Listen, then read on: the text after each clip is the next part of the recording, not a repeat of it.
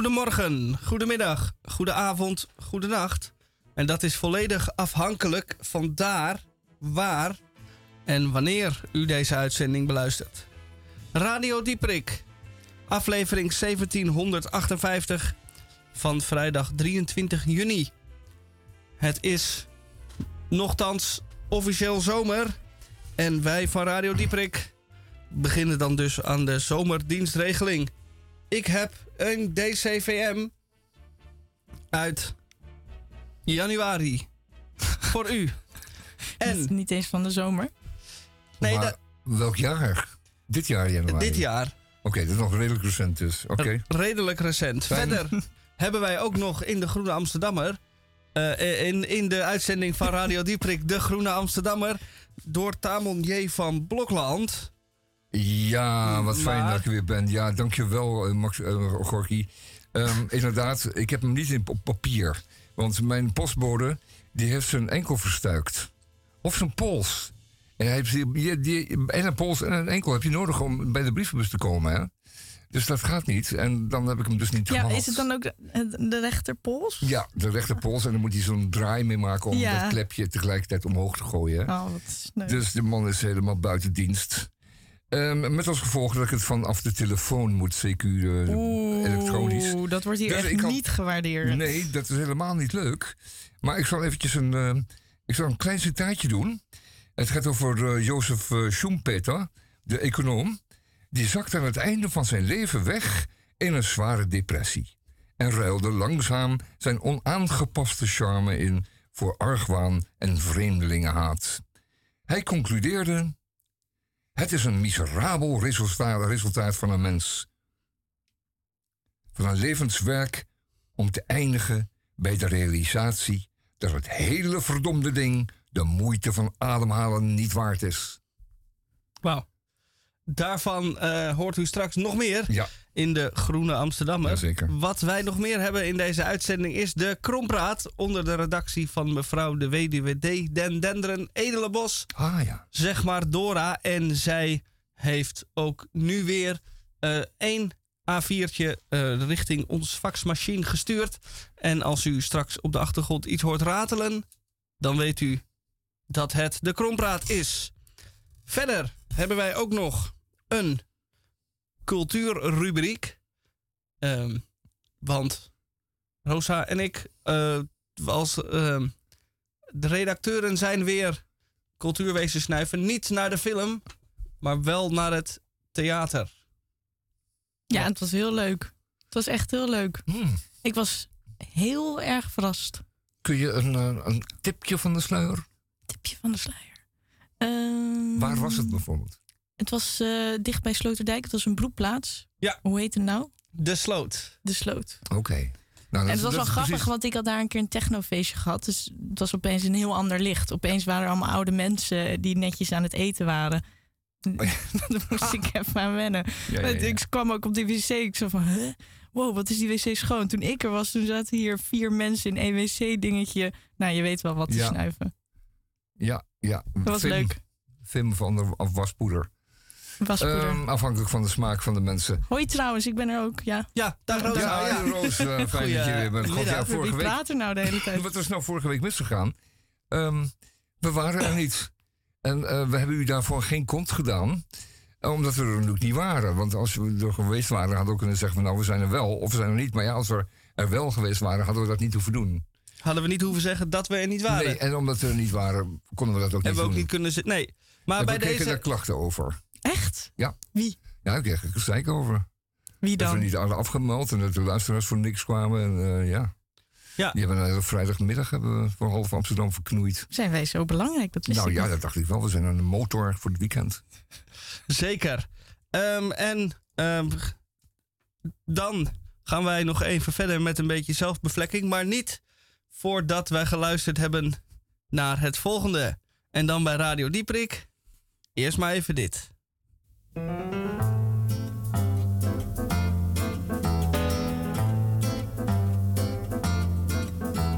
De zon staat grijs boven boven haren buurde. De hemel is laag, haast met de grond gelijk. En eens per uur wordt het groen in buurde. Dan trekt een trein voorbij, dan wordt de stad weer lijk. Maar ergens draaft nog een paard en in het tuintje van de waard spelen er kinderen de zeven sprong.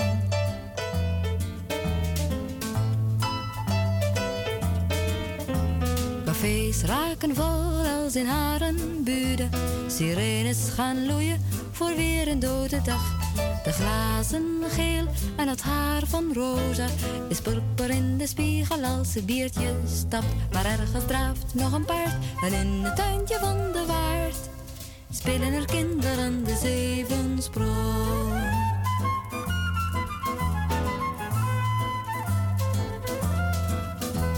zijn weiden als wiegende schoorsteenpluimen, die Buda meer lief heeft dan bomen en groen.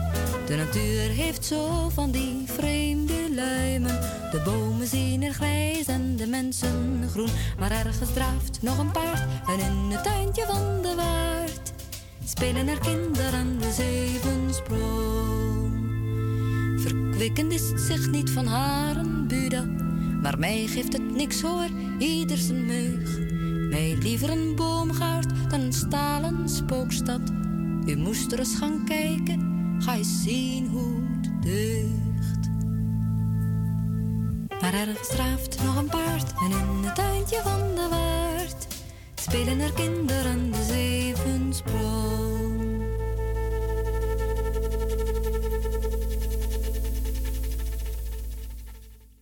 Wij van Radio Dieprik uh, vinden onszelf ontzettend belangrijk. En dat geldt niet als geheel, maar ook als individu. En dan wil nou het geval dat uh, ik bij de introductie niet verder kijk dan mijn eigen neus lang is. Als ik dat nou wel had gedaan, had ik uh, kunnen weten dat wij natuurlijk met z'n drieën hier zitten. Waaronder Rosa Klamer, ik haar niet eens geïntroduceerd. En haar enorme bijdrage van vandaag ook niet geïntroduceerd hebben Ah, en kut. aan de ik man vond het eigenlijk gebracht. wel fijn dat je me niet had geïnteresseerd, want ik heb niet zo'n grote bijdrage vandaag. Oh. Ja, ik was, ik was. Oh nee? Ja.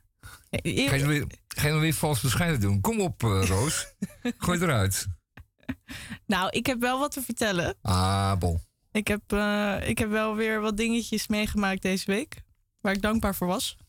En ehm, ja, en ik had weer een vogeltje waarvan ik dacht, die mag weer even in het zonnetje gezet worden. Ja. Een, een vogeltje. Een vogeltje. Oké. Leuk. Ja. Mooi. Goed, Ik, oh, die benieuwd. komt trouwens vandaag op bezoek. Het vogeltje. Ja, het vogeltje. Die gaat vertellen over eh, zijn leven. Oh. Nou, we gaan het zien, eh, Roos. Ik ben heel benieuwd. Nog een beetje een bio-rubriekje ook nog. Daar heb ik dan ook nog een bijdrage. Met, met wat plantjes. Met een plantje Ah, en een ja. vogeltje. Ja, pa- een plantje. Leuk. En nou, bijtjes. hartstikke goed. bijtjes. Ja. Ja, en ik geloof dat er ook nog een van de kromwoorden ook nog eh, een verwijzing heeft die kant op. Die heeft ook iets met Ja. eh, flora. Hè, Ja, wat flora en fauna. nou Of weer fauna. allemaal. Is dit alsof jullie dit altijd zo plannen? Nee, Zeker. Wij, wij kunnen, we, we- we passen in elkaar als tandwieltjes. Nee, tweeën. We hebben meerdere redactievergaderingen per week. Ja, vooraf. Hè, Waar jij er waarom niet bij bent. waar- Dan ben jij er niet bij. wat is dit nou weer voor mannen die met elkaar... Nee, eh, Ja, maar jij bent een natuurtalent die dat vanzelf kan. Ach, toch? En wij moeten heel veel begeleiding nodig ja, hebben. Ja, We ja, moeten helemaal van tevoren heel veel Daar bier trap drinken ik om niet überhaupt, in. überhaupt iets te durven zeggen op de radio. Daar trap ik niet in. Oké jongens, nou... ehm, Wanneer is die meeting dan? Er zijn ad hoc in caf- diverse cafés in de stad. Zo rond vijf uur.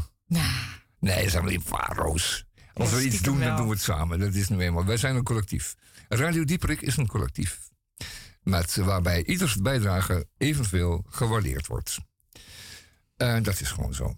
en daar kan wel eens iemand over mopperen, maar dat, eh, dat nemen we gewoon dat gezeik nemen we niet serieus. Ehm, we zijn hoe laat al? Het is bijna Ja, kwart is- over twee. Ja, dat is waar. Dus dat is misschien... ehm, Meteen maar doen dan. zullen we het meteen maar doen? Ja. Ja. want ik heb eigenlijk weinig. En dat komt door die verdomde postbode met zijn eh, smoesjes. Ehm eh, Groene Amsterdam van deze week. Ik ga hem natuurlijk wel lezen, maar dat kan ik dus niet meer doen voor, eh, voor vandaag. Ehm, ik zou een oproep willen doen aan het Groene Amsterdammer. om mij gewoon op donderdag zo'n ding te sturen. Dan kan ik meer bespreken op vrijdag. En dan kan ik daarmee het publiek enthousiasmeren. om er zelf een te kopen. of om zich te abonneren. En dat is ter uw benefit. Dus eh, ik zou zeggen. Als u nou eens even de postbode maand om gewoon donderdag in de bus te doen. En niet op vrijdagmiddag. Want dan schijt de kat er alweer op. Zo gaat het nu eenmaal met het nieuws. Ehm, en van die duikboot hebben we het ook niet over. Dat is een vervelend verhaal, zeg. Vijf van die miljonairs die dan uh, afdalen om een bonkroes te zien, dan ook komen te overlijden. En de hele wereld zit op zijn kop. Het wel mooi worden als dat elke keer gebeurt. Er dan 700 uh, asielzoekers verzuipen op de, middelbare, uh, op de, de Middellandse Zee. De kaart gaan haan naar. Maar vijf miljonairs die in een duikbootje afdalen, dan, dan, gaat, dan rukt de gehele Amerikaanse Navy vooruit. Goed, uh, Goed Amsterdam deze week. Fatale ontgroening was in uh, België. U heeft het allemaal gevolgd. Uh, een soortje van die korballen die hebben een van hun medeleden ontgroend zodanig dat hij nooit meer hoeft te worden ontgroend, want hij liet daarbij het leven. Um, dat gebeurt zo in een groep. Hè? En het mooie daarvan is dat natuurlijk, omdat het groepsgewijs gebeurt, zo'n rechter in zo'n geval dan nooit een echte schuldige of een echte dader kan aanwijzen. Want iedereen is mededader, zeker medeplichtig. En dan verdeelt als het ware de misdaad zich over um, uh, tien daders. En wat moet zo'n rechter dan zeggen van... u krijgt twee maanden, u krijgt 17 jaar cel. Dat kan hij helemaal niet. En dan zie, je dan vaak dat de rechterlijke macht dan eh, met zijn handen in de lucht staat... en de broek op de enkels. Want ja, wie heeft het nou gedaan? Ze hebben allemaal een klein beetje meegedaan. Dus ze wijzen naar elkaar. En, niemand is dan een echt aan te wijzen als de aanstichter of zo. Dat is er dan vaak niet. Dat is een groepsproces waarbij je niet kunt zeggen van... Uh, hoe het gekomen is en hoe het afliep. En, en mensen Mensen wijzen, eh, eh, ontkennen, uh, wijzen naar de groep. En toen deden we dat. Maar ja, wie, was dan de, wie begon daarmee? Ja, fijn. Dat is. Nou, het slachtoffer was overleden. En iedereen was kwaad en nog steeds over het feit dat de rechter daar niks mee kon. En daar dus ook geen echte straffen heeft uitgedeeld, behalve wat van die laffe taakstrafjes. Um, daar staat een groot stuk over uh, naar Goed Amsterdam deze week. En toen denk aan de middeleeuwen. Als de, de, de, de, uitspraak, nou, dat vind ik een beetje flauw. Maar um, het is allemaal wel inderdaad wel primitief. Iets anders. Um, heksen. En wel um, gaat het over, uh, over uh, heksenvervolging. Over, uh, over heksenvervolging die in feite gewoon feminicide was in een ouderwets jasje. Want er is in die, in die, in die eeuwen, tot, tot en met de 18e, zijn er heel wat vrouwen opgeruimd waarvan men waarvan men uh, te roddelen had. Dus dat vrouwtje, dat is een uh, kruidenvrouwtje, een eng vrouwtje, zo'n rimpelig oud vrouwtje. En dit zal wel een heks kunnen zijn. En dan uh, was het geroddel in het dorp genoeg om er eens een flinke brandstapel voor op te richten. En zo zijn er duizenden vrouwen in de loop der jaren, eeuwen, soms een of andere misogyne koning die dat honderdvoudig deed. En um, rare massahysterie hebben we in Selma gezien in de Verenigde Staten. Waarbij hele dorpen opeens met de vinger gingen wijzen naar iemand die zich dan niet meer kon verdedigen. Afschuwelijke verhalen zijn erover. Er worden steeds films over gemaakt. Uh, verbijsterende verhalen. Um, een goed stuk over, over heksenvervolging van, van Joost de Vries. Het was natuurlijk geen heksenvervolging, het was vrouwenvervolging gewoon vrouwenvervolging. Dat was helemaal niets met heksen te maken. Er waren trouwens ook mannen, mannen bij. Dus dan waren, dan, waren dat dan de tovenaars of de kabouters, whatever. Dan uh, iets heel anders. Um, de wereld staat, uh, staat een beetje schuin, een beetje scheef te wezen. Want wat is nou? Um, men heeft bedacht dat alle economieën kunnen blijven doordraaien. Alle consumptie-economieën, economieën, onze consumerende economieën. Als we het individuele vervoermiddel, de automobiel, kunnen blijven produceren en kunnen blijven bereiden. Alleen, er zaten zoveel nadelen aan dat ding, in verband met die, uh, met die uh, verbrandingsmotor, dat men heeft gedacht, nou, weet je wat, als we dat voertuig nou uitrusten met een elektromotor, dan, uh, dan stoot hij niets meer uit. En dan kunnen we gewoon lekker allemaal individueel blijven rijden. Met als gevolg dat nu de straten en de wegen over de hele wereld dreigen bevolkt te raken met zeer grote, zeer zware, zwart gekleurde, hoog op de wielen staande, anderhalve ton tot 3,5 ton wegende monsters, voorzien van duizenden penlights, um, batterijtjes, die uh, groepsgewijs de stroom leveren voor, het, uh, voor de voortstuwing van het apparaat. En uh, die de auto's zo zwaar maken dat er nog weer meer penlights voor nodig zijn om ze voor te stuwen. Die vreten een ongelooflijke hoeveelheid energie op. En we zijn met ehm, van de regen in de drup geraakt. We zijn dus um, overgegaan, als het gaat over individueel vervoer, van de deux chevaux. Kent u hem nog? twee cilinder luchtgekoelde 35 pk motortje. Wat 1 op 40 liep als je het een beetje kneep. En wat er in staat was om vier mensen met 70 km per uur over de weg te bewegen. In een heerlijke deinende gang. Ook het Fiatje 500 en andere lichte autootjes hoorden bij het R4'tje. Er waren allemaal autootjes die heel weinig gebruikten. En die toch hun volledig aan de functie voldeden. Um, echter. Toen kwam de Volvo. En de Volvo zei: Ik rol en ik ben onoverwinnelijk. Want als hij tegen een DAF aanreed, een Eend, een R4 of een Fiat 500, was er van die laatste helemaal niets meer over. Dus al die andere auto's moesten ook allemaal kreukelzones, een dubbel blik hebben.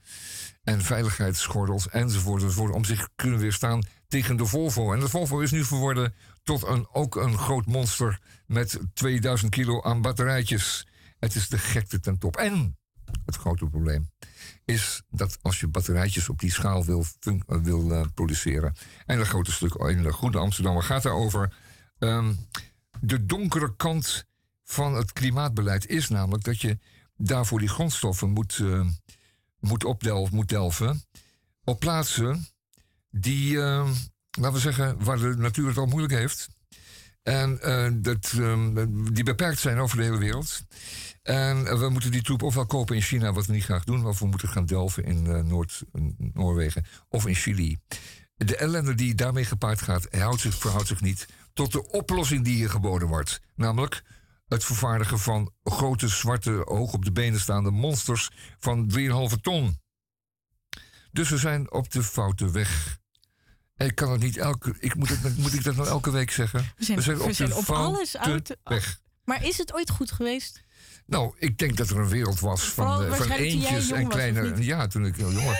Van kleine autootjes die heel licht waren. Waar je met een litertje benzine de hele dag kon rijden. Die nauwelijks uitstoot hadden omdat ze nauwelijks verbruikten. En die toch alles Maar deden wat je In erom jouw vroeg. tijd waren mensen toch ook niet zo heel aardig tegen elkaar? Oh, jawel hoor. Jawel? Ja. Je veel aardiger nog. Veel aardiger? Ja, oh, ik had wel eens gehoord dat soms kinderen gewoon op school ook ge- gewoon getikt werden als ze iets fout deden. Oh, die kreeg een klap van een Ja, kanus. Ja, precies. dat hielp wel. Oh, dat hielp wel. Oh, jij, oh, jij vindt dat eigenlijk wel weer terug mag komen. Goeie druim de kop. Nou, op, ophouden, hé. Nou, bekhouden. Vroeger Goed. was het altijd beter. Ja, nou, wat dat betreft, toch wel enigszins. Oh, Misha Ehm, knikt ook ja. Ja, ik denk ook.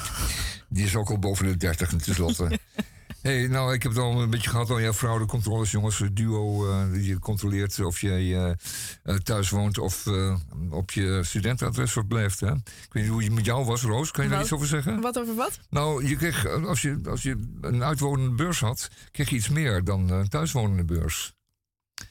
Ten slotte, als je uitwonend was, dan kreeg je meer beurs dan als je inwonend of thuiswonend was. Ehm, nou, bent. ja, weer dat opnieuw. mag ik natuurlijk niet zeggen, maar ik ben nog steeds ingeschreven bij mijn ouders terwijl ik niet bij hun woon. Wat bedoel jij? Nou, met studentenbeurs is het zo dat als je uitwonend bent, dan krijg je tot 300, 400 euro meer per maand. Omdat je hogere Ik kosten heb maar één jaar gestudeerd en dat was vier, vijf jaar geleden. Oh, dat is, dat is ook alweer te lang geleden om Ja. te herinneren. Nou goed, in ieder geval is het zo dat massaal. Werd Vier, dat misschien in, 19 uit, in het maar verleden werd dat dan massaal ontdoken, die eh, regel. Want eh, er werd niet gecontroleerd, maar nu wordt er wel gecontroleerd. En nu zijn dus allemaal mensen verontwaardigd dat ze gepakt worden. ja, Want het was te makkelijk geworden. Je schreef je in bij je broer in de buurt wonen en eh dan was het klaar. ja. En die kreeg zomaar 300, 400 euro per maand erbij. ja, het wordt En dat is allemaal... afgelopen. Want er wordt nu echt gecontroleerd. Dus ze komen naar je broer toe, kijken tandenborstel stellen. En die willen gewoon een ingerichte studentenkamer zien. Met, uh, met schriften, potloden en een bed en, en een kast met kleren. Voordat ze geloven dat jij daar inderdaad woont. Dat je bij je broer woont. Dat je daar terecht bent ingeschreven. Dat je dus terecht 3 à 400 euro per maand meer beurs krijgt. Als je dat niet voor elkaar hebt. En dus blijkbaar ook niet woont bij je broer of bij je tante of bij je oom of bij een hospitaal. Dan kan je mooi alles terugbetalen. Wat je hebt gevangen in die loopvolle tijd. En nog een keertje een fijne boete betalen daarbovenop. Altijd wel interessant wat je zou zeggen dat de mensen die dat doen niet zoveel geld hebben. Ja, en die komen en die dan. krijgen dan natuurlijk die. Uh... Die krijgen dan de, de, de kous op de kop, zoals het heet. Ja die krijgen naast hun uh, studieschuld nog een keertje een flinke boete van het duo. En dan ze nog eens een keertje 10 mil terug, extra terugbetalen. Nou, het is natuurlijk ook dom. Het is natuurlijk ook dom. En uh, je moet niet frauderen, klaar. Gewoon een niet besodemietere zaak. Ja, doe maar wat muziek aan, ja. Ja, klaar hoor. Die groene.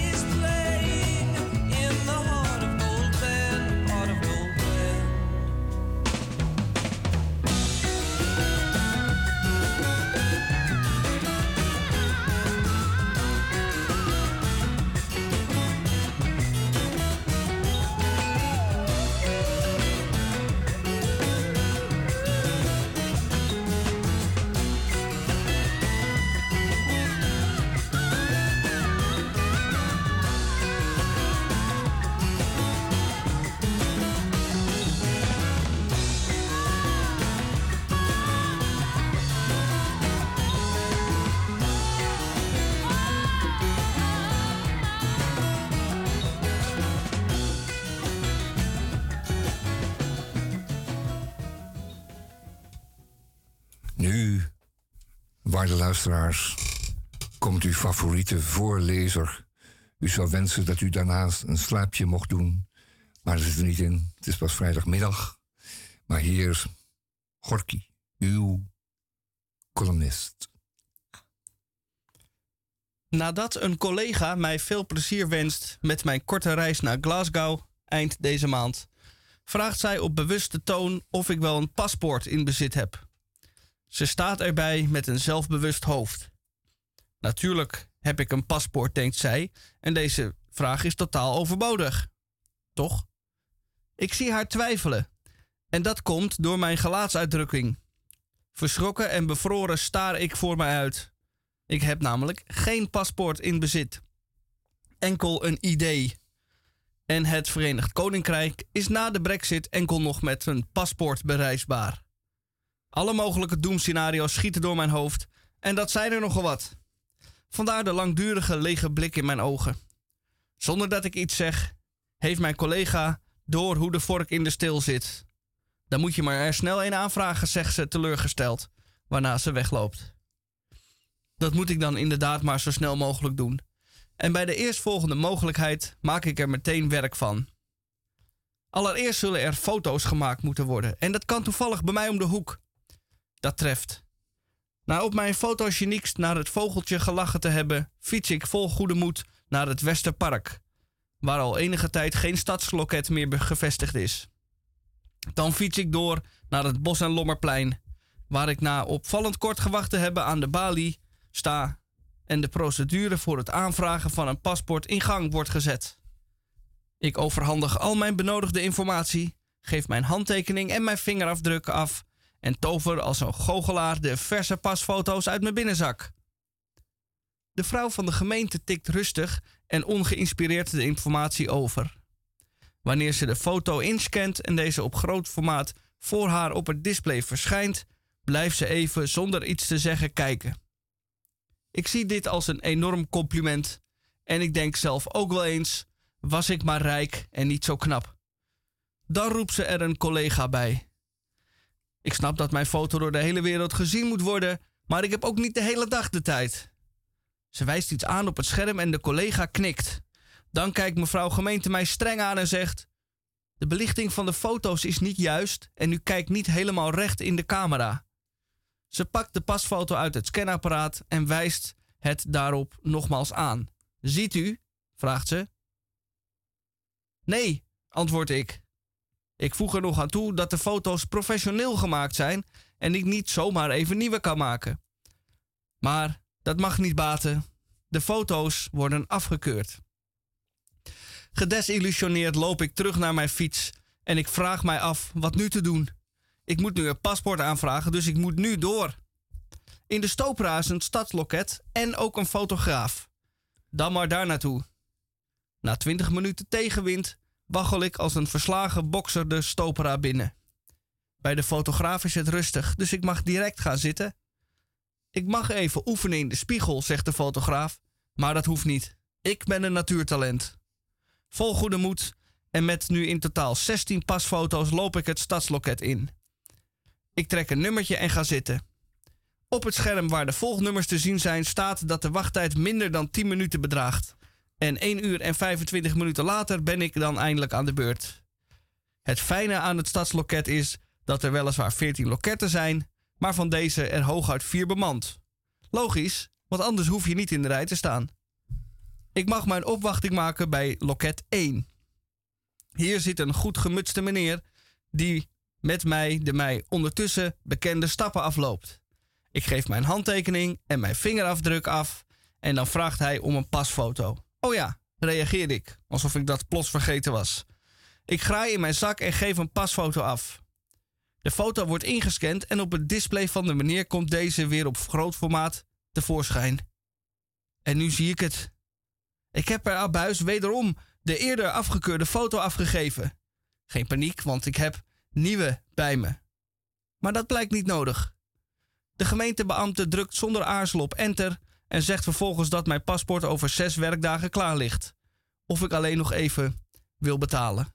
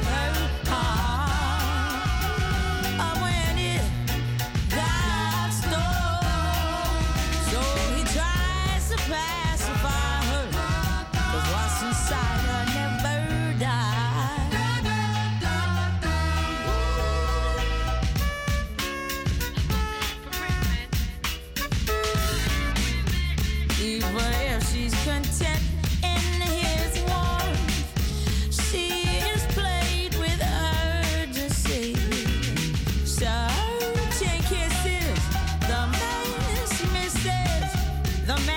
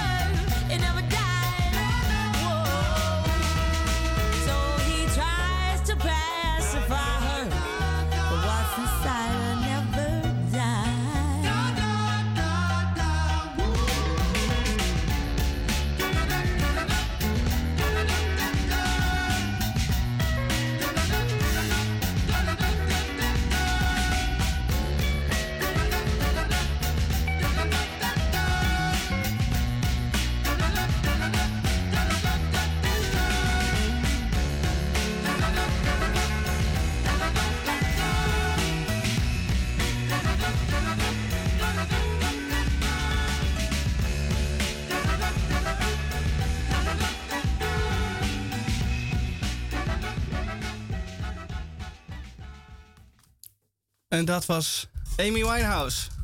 Doen we afkondigingen? Ik uh, laatst uh, zei een van mijn uh, geliefde, of een van onze grootste fans, die ja. zei: Jullie zeggen achteraf nooit hoe dat liedje heet. En omdat wij niet alleen maar top 40 hits draaien, is niet iedere luisteraar bekend met de nummers. Oh, okay. En die dit, zou nog graag willen weten hoe dat nummer Dit is, is geen wel, omroepcode dit, of zo. Dit is wel erg pijnlijk, want dit gesprek wat jullie net hebben gehad, dat hebben we een maand geleden precies zo gehad. Dat klopt. Dat Jezus. weet ik. Nog. Ja. Ja. Nou, dan, dan is het tijd dat, dat wij vervangen worden. Ja, dat denk ik ook. Misschien door vrouwen. Ja, maar de kracht uh, van herhaling, dat is heel belangrijk in de, in de media. Ja? Ja. Ja. Ja. zeker. Ja. Kijk maar naar die duikboot. Gewoon Hmm. uh, 30 keer achter elkaar. Een duikboot. Wat, wat, Ehm, wat, wat bedoel je? Nou, die duikboot, waar we de afgelopen dagen mee verveeld zijn met die duikboot. Ja, inderdaad, vaak wel. Ja, dat was het echt, vaak langs na twee keer eh, was het al vervelend. En na de dertigste keer werd het echt stinkstom Maar vervelend. Ook wel omdat het een interessant verhaal is. Want je gaat meteen fantaseren. Hoe is het om in een duikboot te zitten? Mhm. Waarvan je weet, oké, we, gaan, we gaan waarschijnlijk gewoon allemaal dood. Vier kilometer diep. Vier kilometer diep. Nou, we gaan niet waarschijnlijk allemaal dood. Want die vorige keren was het allemaal goed gegaan. Dus we Oh, gaan, we- er, is een kleine, er is een kleine mogelijkheid dat we doodgaan. En dat maakt het extra spannend. En daarom is het ook zo duur. Want mensen willen kicken. Oh. En als het niet gevaarlijk was, dan waren er mensen niet veel geld voor over. Dus net zoals hetzelfde als met een. Maar waarom met doen een ze zo de zielig allemaal? Ja, omdat het, omdat het een verhaal is wat iedereen graag door. We zitten het nu ook weer door te vertellen. Ja, laten we Het er nou niet, niet meer over Nee. hebben. Laten we het geen... eh. Ja, laten we het over eh, k- kleiner leed hebben. Ja, namelijk leed. de eh, haringstal Ja. op het Kattenburgerplein. Kras, die heeft daar zijn visstalletje. Maar ehm, nou heeft hij een vergunning en die eh, staat op losse schroeven. Straks eh, kunnen we daar geen haring meer kopen. Althans, dat is de angst van het artikel eh, wat in het parool staat. Dus wij wensen de meneer Kras het allerbeste. En misschien gaan we vanmiddag nog wel even een nieuwe haring halen. Want dat is nu. ik heb al een haring gehad. En Kijk. was hij? Om, om eh, 12 uur s middags. Gisteren of vandaag? Vandaag. Oké. En Hij was heel lekker. Ja. Ja. Ja, en zelfs nog een beetje eh, die eh, speciale wijn bij gedronken. Oh. Ja, ik ben Aha. ook een beetje aangeschoten.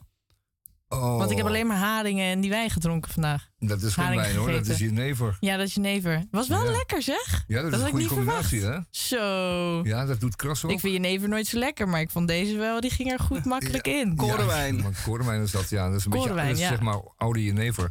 En, eh en eh, jenever speciaal voor deze gelegenheid. Ja. Maar waar heb je dat dan gedaan bij jou? Nou, bij Vijpenlijsters hebben we een beetje traditie, Oh, dat traditie aangehouden. Dat we, Francis die haalt dan altijd de eerste haring Ja. op. En dan gaan we haring en dan eten. trek je een fles open. Ja, dan trekken we een fles open om eh, 12 uur s middags. Ja. ja, ik snap het ook niet. Het mag. Het mag. Het mag één keer per jaar dan. Eén hè? keer per jaar, Vooruit maar. twee keer per week. Maar ook uh, Kras levert een piepklein glaasje korenwijn bij, eh, bij de nieuwe haring. En er wordt zelfs gedoogd door de, door de, eh, de, de vergunninggever. maar K- Kras hoeft niet bang te zijn, want hij zegt... Nou, ik heb nog een vergunning voor tien jaar. En ehm, dat ik zo lang mag leven. Dus ehm, de, de kwestie is alleen maar dat het eh, volgens Europese ehm, eh, begrippen eh, en, en, en wetten niet meer zo mag zijn dat deze mensen eeuwigdurende vergunningen krijgen. oh, Dus eeuwig. En dan, dan, dan zo'n staanplaats van kind, vader op zoon mogen overgeven. Nou, wat een- belachelijk. Een Franse, een, een Italiaanse strandtent. Maar is toch juist zo leuk? Ja, Wat is, wat is daar nou weer het, een- het kan- argument? het kan een hele lucratieve plek zijn. Waar je dus echt tonnen mee kan draaien per jaar. En dan Maar willen anderen zo'n dat zo'n ook. vissenzaak, daar, die verdient toch niet zoveel? Een goed lopende snachtbar die draait al soms al 300.000 eh, euro per jaar. Als je dat goed doet, dan hou je daar een ton aan over. Oké. En dat Maar- kun je niet verdienen met, eh met Maar ik vind, het wel, ik vind wel oude, oude dingen die, eh, die oud blijven. zijn, dat Ja. is wel gezellig als het een beetje zo Dat is ook zo. nostalgisch ergens ja, blijft natuurlijk. staan. Maar moet natuurlijk, nu, nu is de gedachte dat er op die plaats van in ieder geval een haring- een haringkraan terug moet komen. Mocht Ah. de ene vergunning verlopen. Maar kennen Maar jullie hem persoonlijk eigenlijk? Ja, ja, wij kennen hem. Hij, stond, hij staat namelijk al heel lang daar. Maar, maar jij bent dus er ook mee eens dat hij weg moet. Nee, helemaal niet. Nou, maar, dat klinkt zo wel. Nee, nou, ja, helemaal niet mee eens. De, de Europese regels zeggen dat het geen eeuwigdurende Sinds vergunningen wanneer mogen volg jij de regels? Oh, Of sinds wanneer ben je, ben je eens met de regels? ben je nou een gaslighter? Ja. Nou, het, eh, het gesprek hier gaat. We volgen, we volgen de allemaal verkeerde kant op. regels. Maakt u zich allemaal Nou, het niet is zo juist wel druk. leuk als we een keer een, even een discussie houden.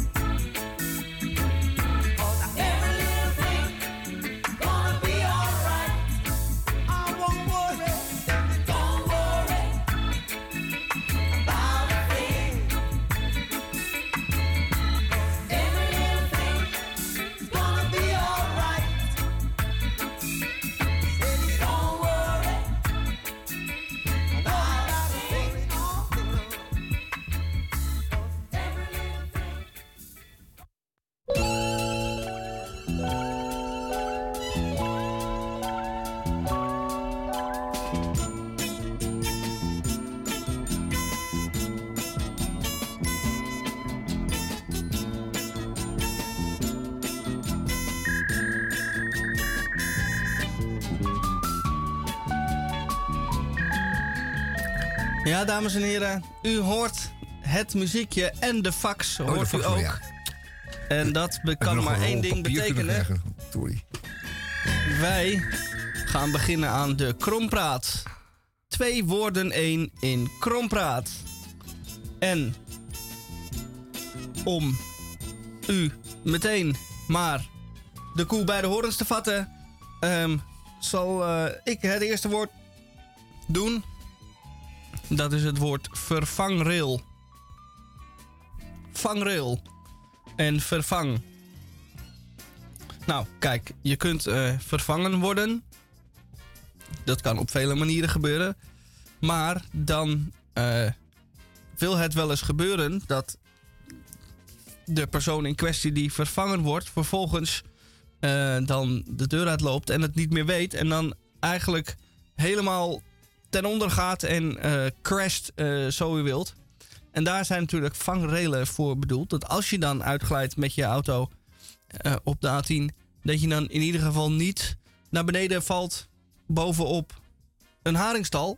Maar dat je dan tegen de vangrail tot stilstand komt. Om de schade in ieder geval te beperken. Je hebt wel een ongeluk, maar dan valt het nog redelijk mee. En daarvoor is de vervangrail ook. Dat is voor mensen die eh, worden vervangen, die worden afgedankt. Dat die in ieder geval eh, op enige wijze opgevangen worden door de vervangrail. Wauw. Wauw. Leuk dat liedje erbij. Goed, ja, goed dat dat bestaat, hè? Ja. Vervangrail. Ja, Zou ik maar eh, beginnen met zebrapadstelling? ja, graag Roos. Ja, daar, dat, die kregen we net even van Dora binnen. Zebrapadstelling. Eh die is leuk. Eh, dat gaat over schaken.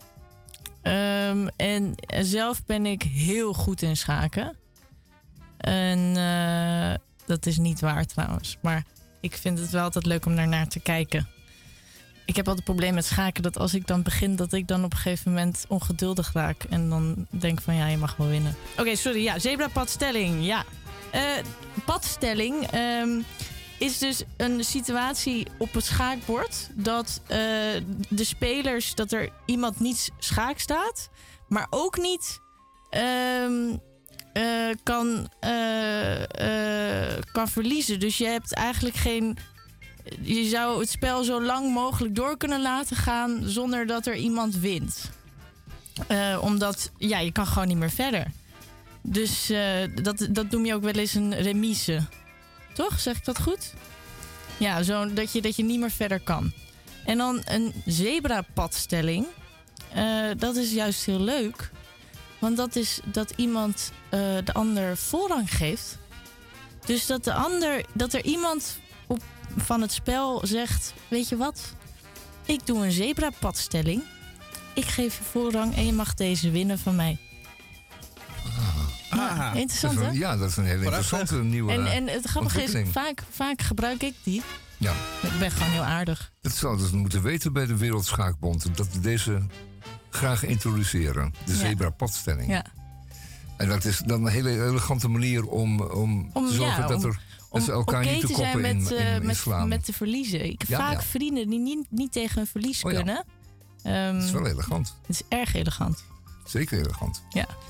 Nou, fijn eh, bijdrage. Goede bijdrage, Roos. Ehm, daar komen we verder mee. En dat- daar is de wereld mee gediend. Zo zie je het belang van Radio Dieperik op de vrijdagmiddag tussen 2 en 4 op eh, Salto Radio. Het dient ook in zijn algemeenheid de gehele mensheid. Dat ziet u waar weer. Ehm, het volgende woord had ehm, de weduwe voor mij bedacht.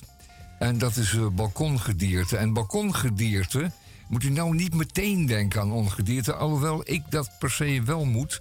Omdat ik last heb van muizen op mijn balkon. En mijn muizen die eh, mogen best op mijn balkon heen en weer lopen. Echter, ze kiezen er soms voor om ook bij mij naar binnen te lopen. En dat vind ik dan weer helemaal niet goed. En ehm, die muizen die komen op mijn balkon omdat ik een verschrikkelijke buurvrouw heb. Die ehm, niet alleen dom is, maar ook buitengewoon irritant. En die daar duiven voert. En de verspilde, gespilde duivenvoerkorrels... die worden door die muizen gegeten. En daarvan eh, ontstaan er dus telkens weer nieuwe. Na zes weken hebben die muizen alweer een nieuw nest. En het maakt ze helemaal niet uit of ze hun moeder, hun dochter, hun zuster eh, verkrachten. Eh, maar ze hebben na zes weken weer een nieuw nest. En dat maakt ze ongedierte. Daarentegen is er natuurlijk ook gedierte op het balkon. En godzijdank heb ik ehm, de oproep om ehm, voor, eh, voor de bijen en de vlinders te zaaien dit jaar, dit voorjaar, ter harte genomen. En een aantal bakken gezaaid met de gratis uitgedeelde zaadzakjes die ehm, her en der verkrijgbaar waren. Die gratis inderdaad te bekomen waren. En die bevatten uitstekend zaad. Want dat is natuurlijk nog wel eens de vraag, hè? Wat zit er voor zaad in die zakjes? Maar deze zakjes, die bevatten niet alleen biologisch zaad... maar ook heel duur zaad, moeilijk te verwerven zaad. En het is buitengewoon goed zaad. Er is heel veel van 80, 90 procent van opgekomen. En het is een prachtige melee van eh, allerlei vreemde en eh, zinnige en zinvolle planten... Allemaal wilde planten, gecultiveerd. En die allemaal bloemen leveren. En dus ook nectar voor de broodnodige biodiversiteit. En dan in het bijzonder voor vlinders en bijen. Zweefvliegen, gewone vliegen. Alles wat afhankelijk is van nectar. En het het is werkelijk verbazingwekkend hoe goed dat spul opkomt. En wat voor bijzondere planten dat allemaal oplevert in uw bakken. Dus als, mocht er volgend jaar opnieuw een actie zijn, wees er snel, snel bij.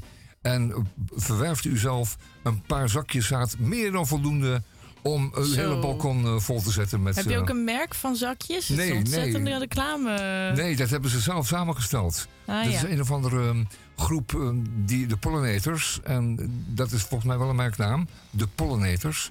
De bevruchters betekent dat.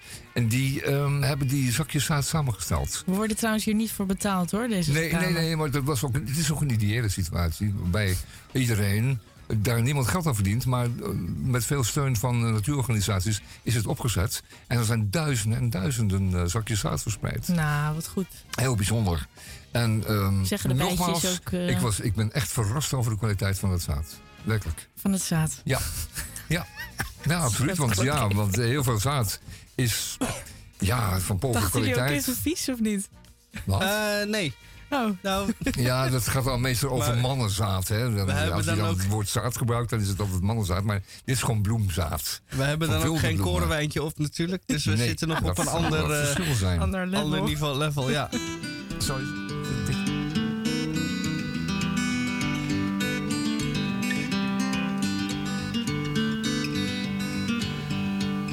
Had me a woman down in Tennessee. Oh, she used to love me. Fever got me and I had to go. I never seen that woman no more. New York City is a place I've been. I was there one time with a traveling band. Young girl there wanted me to stay. I think she wanted me to pay. Rolled it out, rolled it in. Here we go, down the road again. Drifter's life is a drifter's wife. Don't say I didn't tell you so.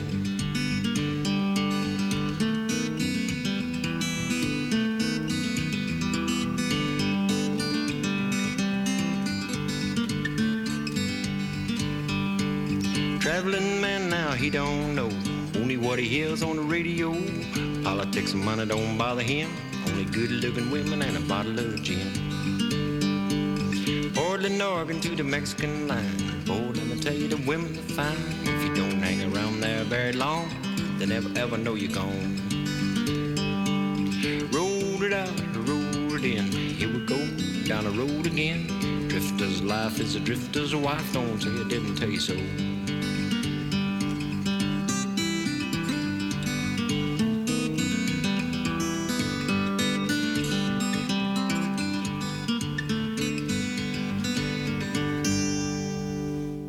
Ik zat dus gisteren op de bank met de deuren open. En eh, opeens hoor ik. oeh, oeh. Nee, nee, hoe ging het? Oh, nee, wat. Nee, ik kan niet goed nadoen. In ieder geval, eh, ik deed na. En ik kwam in een, ges- in een gesprek met een L. En het was een leuk gesprek. En ik had gezegd: Wil je anders morgen langskomen op de radio? En toen zei hij: oeh. En eh, toen zei ik, eh, nou chill. En ehm, ja, wist je, wist je trouwens dat een L ehm, 270 graden kan ronddraaien met zijn hoofd? ja, dat is heel absurd eh, om te zien. Ja. Nou, dat wist je dus. Wist Ja. je dan ook dat een L de enige vogel is die blauw kan onderscheiden van andere kleuren? Dat wist ik dan weer niet. En ehm, nou, ik heb El even hier uitgenodigd. We laten hem even praten. Hij heeft leuke dingen te zeggen hoor.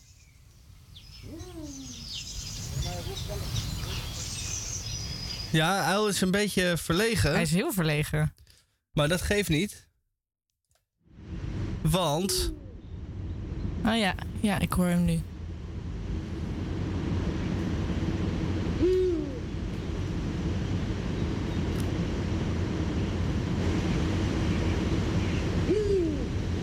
Nou, dat Ik heb het gevoel dat dit gewoon een, persoon is, trouwens. Die gewoon een L nadoet, maar dan beter dan ik.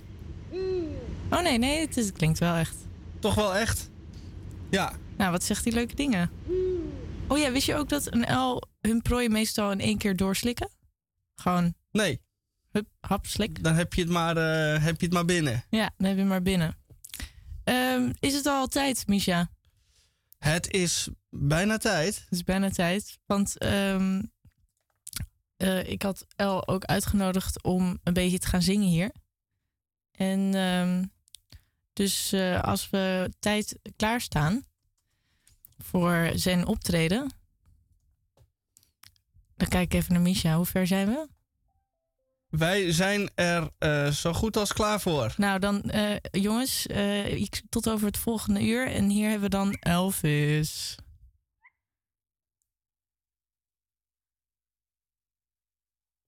Nou, dat gaat echt helemaal.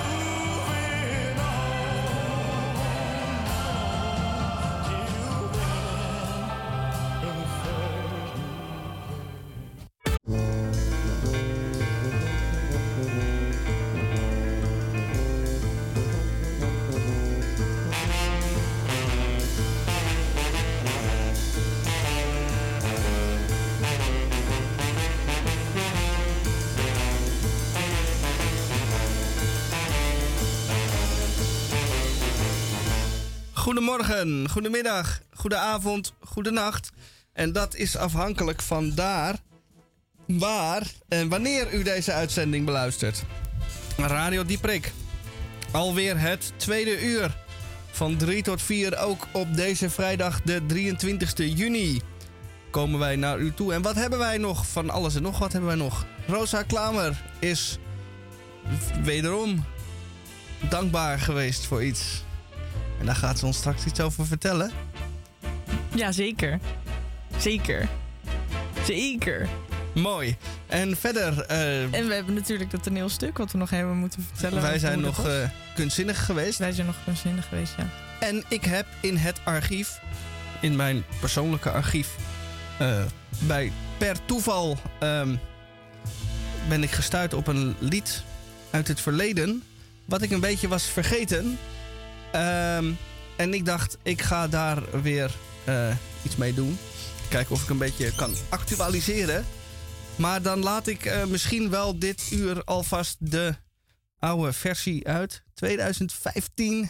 Wow, hoe oud was je toen? Ehm, eh, Jonger, jonger, jonger. dan Ja, nu. jonger dan nu. Toen was ik eh, vijf, vier, ergens in de twintig.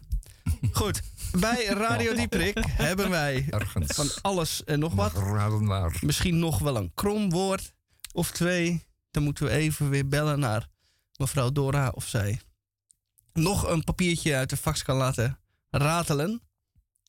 En dan bij Radio Dieprik. Eerst maar even dit.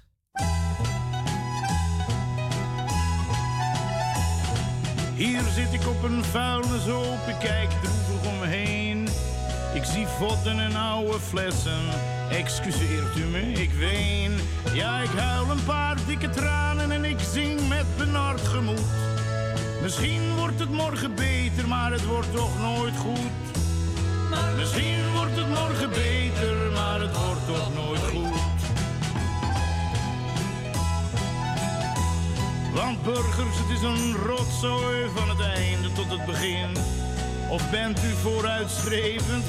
Daar blijf ik bijna in. Een merkwaardig soort illusie naar de afgrond goed gekoet.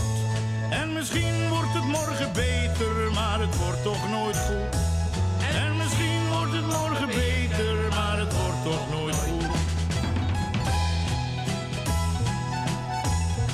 De wereld is vol van dingen waar de mensen bang voor zijn. De een kan niet tegen vrouwen en de ander niet tegen wijn.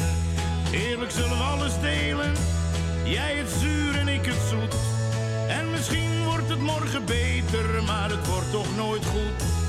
En misschien wordt het morgen beter, maar het wordt toch nooit goed. Als ik ziek ben, bel ik de dokter en dat vindt die man wel leuk.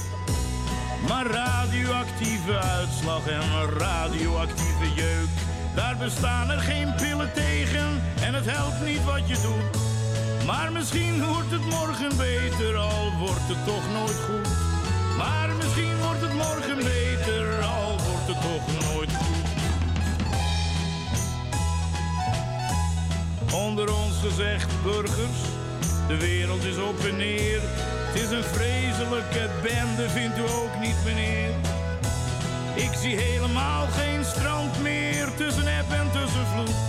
Maar misschien wordt het morgen beter, al wordt het toch nooit goed. Maar misschien wordt het morgen beter, al wordt het toch nooit goed. Nou, ik was dus zo erg dankbaar deze week. Want ehm, ik ging naar het strand. Eerst eh, moest ik de auto halen, want eh, we hadden besloten we gaan, niet, we gaan niet met het OV. Wat natuurlijk ook wel beter was geweest. Maar naar het strand en het OV is altijd weer een dingetje. En toen zat ik in de auto en toen was ik naar Edda James aan het luisteren. En eh, ik hou ervan, want de auto die ik dan mag lenen, die heeft geen airco. Dus dan moet ik altijd met ramen open rijden. Nou, dat is lekker altijd. En dan heb ik heel erg hard de muziek aan. Toen keek ik links van me. Toen zat er een heel oud vrouwtje. Zat helemaal mee te dansen op mijn muziek. En we zaten in de rij bij de file. Of in de rij voor het stoplicht. En eh, we zaten de hele tijd samen te dansen. En op een gegeven moment moesten we rijden. Toen hadden we, gingen we zo rijden dat we zo naast elkaar mochten blijven rijden. En op een gegeven moment moest hij linksaf. Maar dat, daar was ik wel heel erg dankbaar voor, voor dat momentje. Etta James, zei je. Etta James, ja. Oké, En ehm, horen. ja, die mag je zo even opzetten. En eh, waar, waar, welk strand hebben u uiteindelijk bezocht? we zijn naar Bergen aan Zee gegaan. Oh ja. En dat was ook leuk, want ehm, eh, eh, Wimke, daar was ik mee, een vriendin van me, die had haar ring in het zand gelegd. En op een gegeven moment kwamen we natuurlijk achter, die was natuurlijk helemaal weer vergeten. En toen was het donker en toen zijn we met z'n tweetjes met zaklampen dat ringetje gaan zoeken. En opeens komt er een jongen naar me toe. "Hè, wat, zijn jullie, eh, wat zijn jullie aan het doen? Zei, ja, we zijn iets aan het zoeken. En opeens, voordat ik iets hoefde te zeggen, nam hij al zijn vrienden mee. En begonnen ze ook gewoon te zoeken, maar ze wisten niet eens voor wat. Dus je kon zo vanuit de verte, denk ik wel twintig zaklampjes zo op het strand zo zien rondbanjeren. Eh, en, en we hadden een hele zoektocht eh, gekeerd, zonder dat ze wisten waar ze, waar ze naar aan het zoeken was. Dat was leuk. Eh, ja, nee, het strand was lekker. En ook het duik genomen. Ja, en eh, het ringetje hebben we eigenlijk nooit gevonden. maar dat was wel mooi, want Wimke had het ringetje op het strand gevonden. Dus ze heeft hem nu teruggegeven aan het strand. Het had zo moeten zijn. Waar ik ook trouwens dankbaar voor was. ehm, ik, eh, ik ben er altijd heel erg dankbaar voor als ik te laat ben, net zoals vandaag op de radio. dat er dan altijd, altijd dan een weg is afgezet. Oh ja. Het is altijd heel typisch. En er ook altijd dan, dan iemand voor jou fietst die, die dan heel langzaam fietst. En, ehm, en ook waar ik ook heel erg dankbaar voor ben als ik dan eh, gestrest ben, zoals deze week, dat dan iedereen tegelijkertijd belt. En ze allemaal wat van je moeten. Ja, daar ben ik ook erg dankbaar voor. Mm. Ja.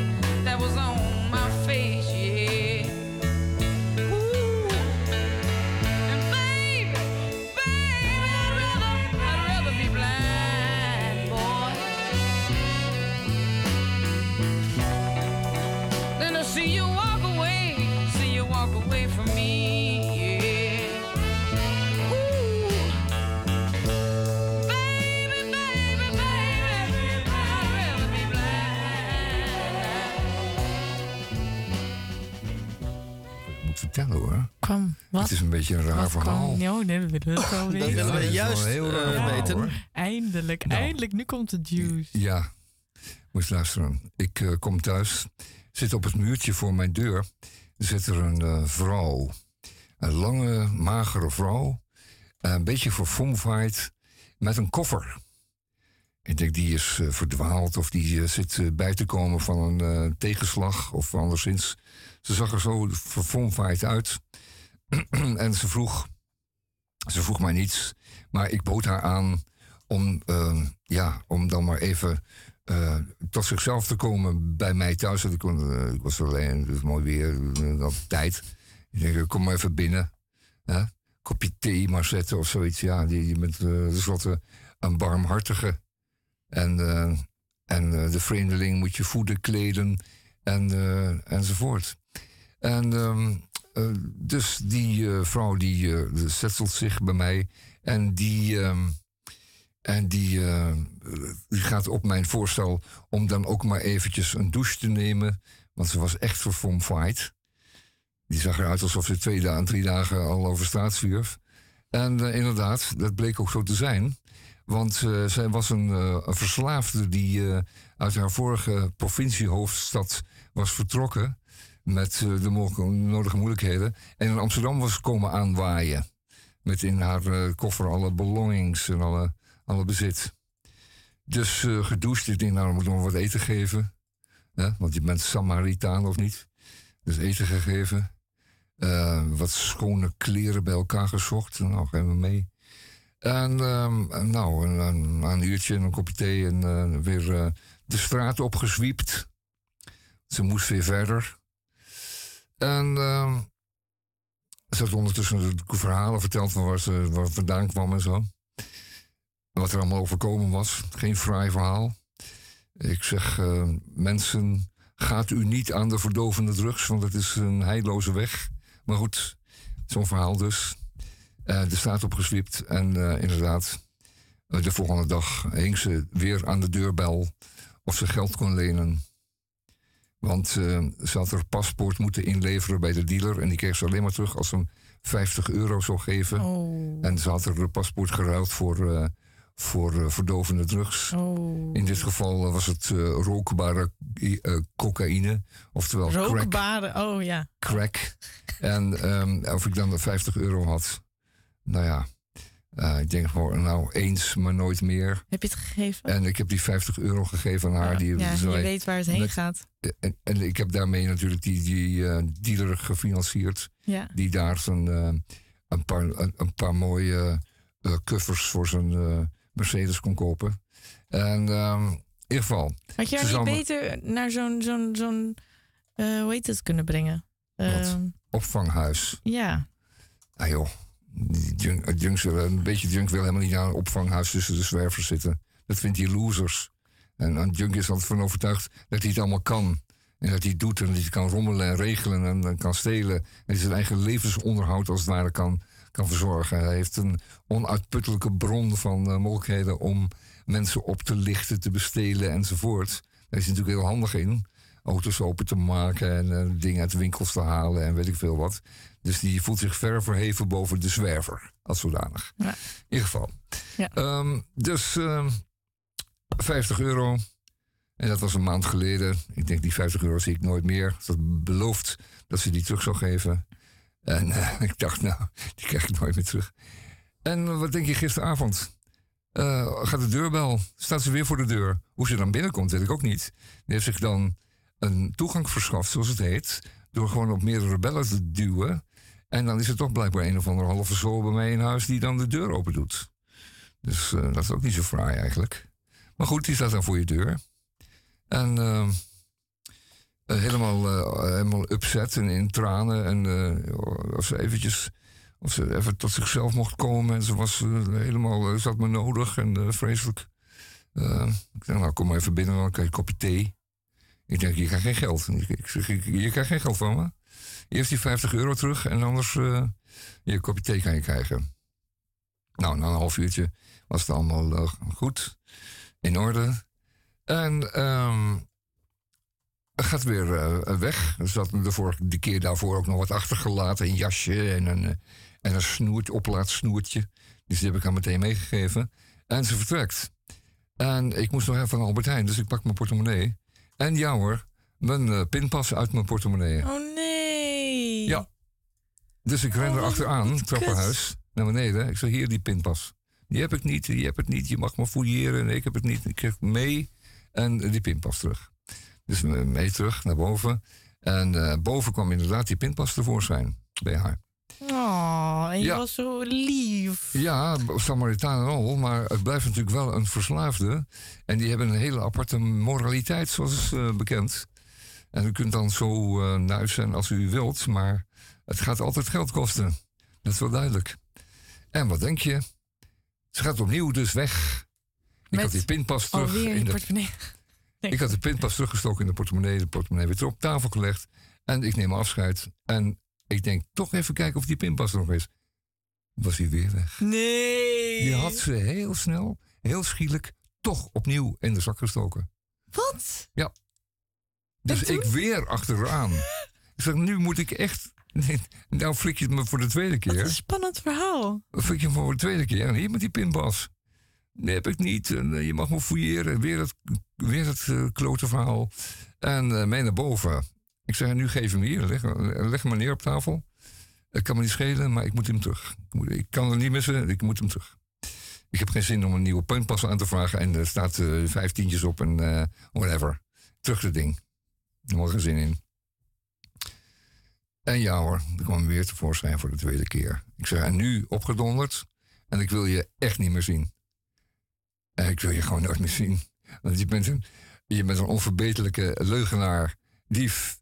En ehm, je hoeft bij mij echt nooit meer aan te kloppen. Dus die ging nog. eh, die ging dus, die vertrok. Kwam even later opnieuw aan de deur kloppen. Maar ja, dan doe ik dus echt niet meer open. Dan doe ik dus echt niet meer open. En dat ze eindigde met een hele harde trap tegen de deur. Was nog boos ook. Maar ze me dus twee keer die pinpas eh ontfutseld, zeg. Zo, hé. Ik vind het wel goed van je Tamon hoor. Je bent niet, eh, je bent niet eh, verslagen. Nou, ik ben niet verslagen, maar ik ben wel redelijk naïef geweest. Ik dacht van, nou, ehm, ik geef haar een kop thee en ik, ik luister naar een verhaal. Ja, je hebt gewoon een goed hart. En ik hoef verder helemaal niks van haar. En je mag even tot jezelf komen. En, eh, maar dat ze dan vandoor gaat met je pinpas, dat is wel grappig. Grappig.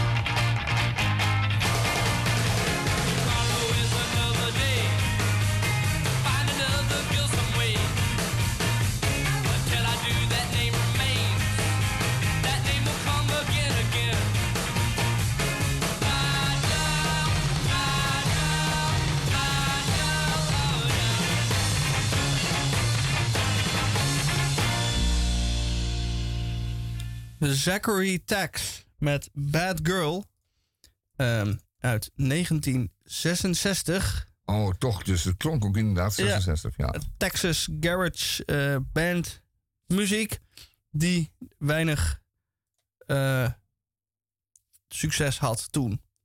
Klein. Z- Zachary Tax. Ja. Oh, ja. Maar eh, de liedjes zijn eh, best eh, Grappig. aardig. Ja. Ja, leuk.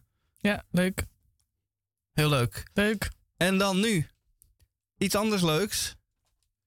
Is het al zo te- ongeveer zo stilletjes aan tijd voor de cultuurrubriek? Ik was even bang dat je krompraat ging zeggen. Nee, dat ging ik niet zeggen. Phew. Tussen aanhalingstekens.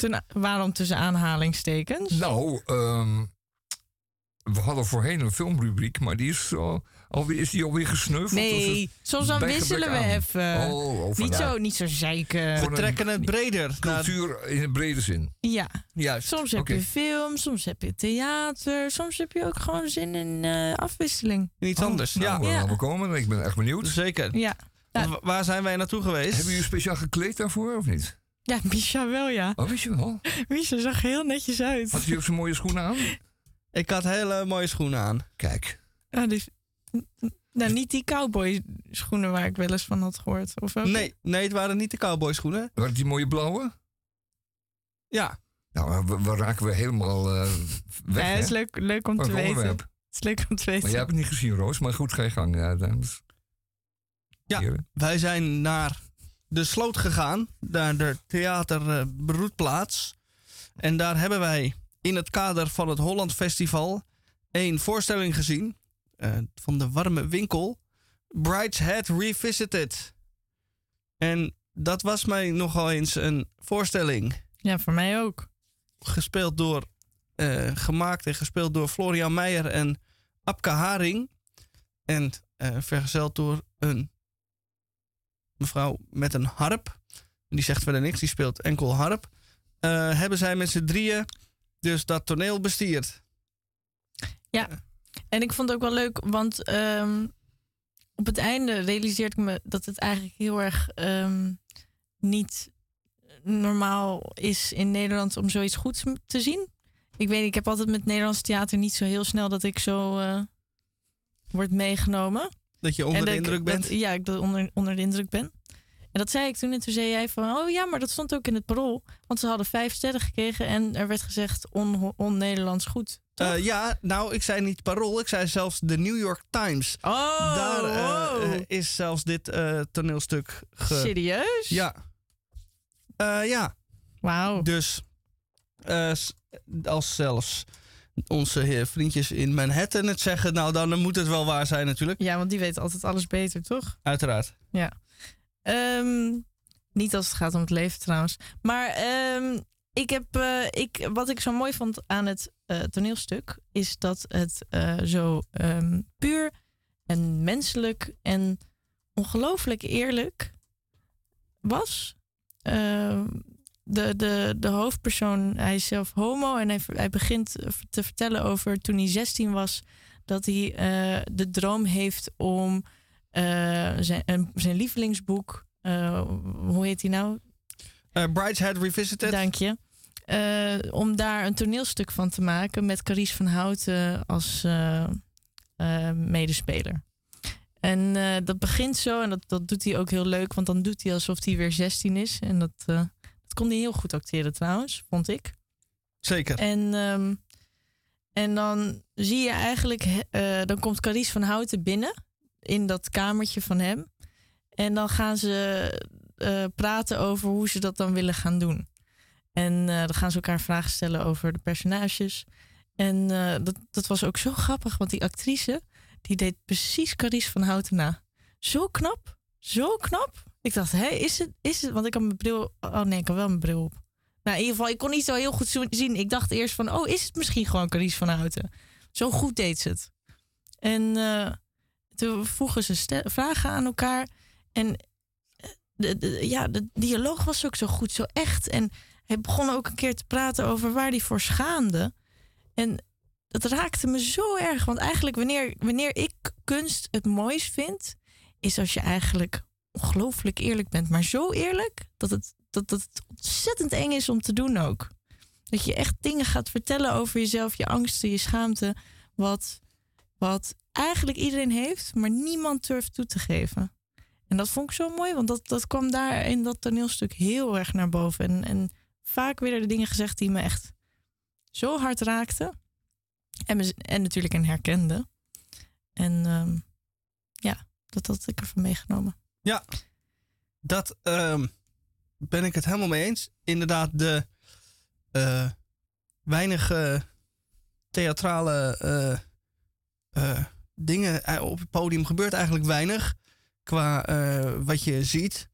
Eh, ze het bevindt zich voornamelijk rondom een tafel. Waar ze inderdaad een soort bespreking doen van hoe zij dan samen dat toneelstuk willen gaan maken. En dat wordt dan een aantal keer herhaald, dat gesprek eigenlijk. En iedere keer, bij iedere ontmoeting, wordt het iets persoonlijker en iets eerlijker en oprechter en ongemakkelijker. En eh, ja, eerlijker, Ja. dieper. Ik vond het ook zo leuk. ehm, ik heb soms, je hebt soms met toneelstukken dat je niet echt weet waar je naar kijkt. Maar dat je het dan ook nog niet eens begrijpt. En ik had nu een beetje dat ik niet echt wist waar ik naar keek. Maar ik begreep het allemaal. Ik dacht van ja, nou wat je zegt, ik snap het. Ik snap het. Gewoon eh, dingetjes werden gezegd over het dagelijks leven, over je eigen leven. Wat je nooit woorden hebt kunnen geven. En dat werd, er toen, dat werd to- daar zo gezegd. En ik begreep het allemaal. Het was echt, ja, het was, het was ontzettend goed. En heel goed geacteerd.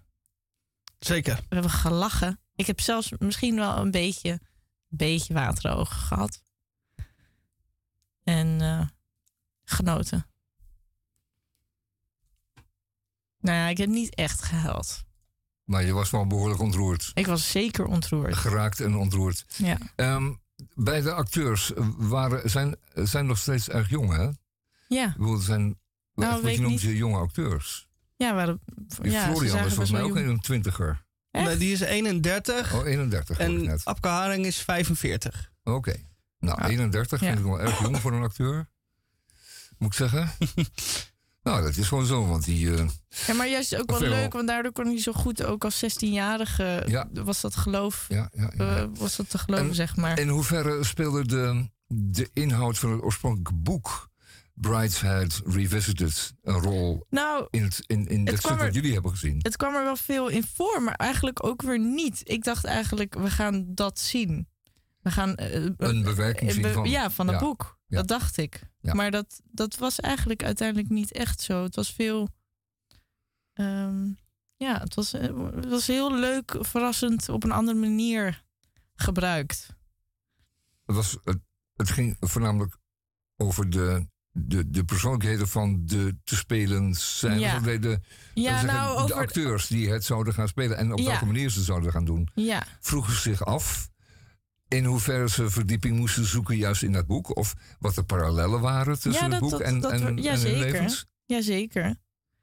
Want het boek gaat over Maar ook soort... over een eigen, eigen persoonlijke. Voor hem, ook voor de acteur. Zijn persoonlijke relatie met het boek. Ja, Weet jij nou eigenlijk of zeg maar de acteur hij het ook heeft geschreven? Dit het, eh, toneelstuk. Ja. Ja, zeker. Hij heeft het eh, eh, gemaakt eh, samen met eh, de andere van de warme winkel. Het is, zij met z'n drieën. Hij is dan de enige die nu op het podium stond. En eh, zij, of in hoeverre zij er alleen maar bij gevraagd is of ook meegeschreven heeft, weet ik niet.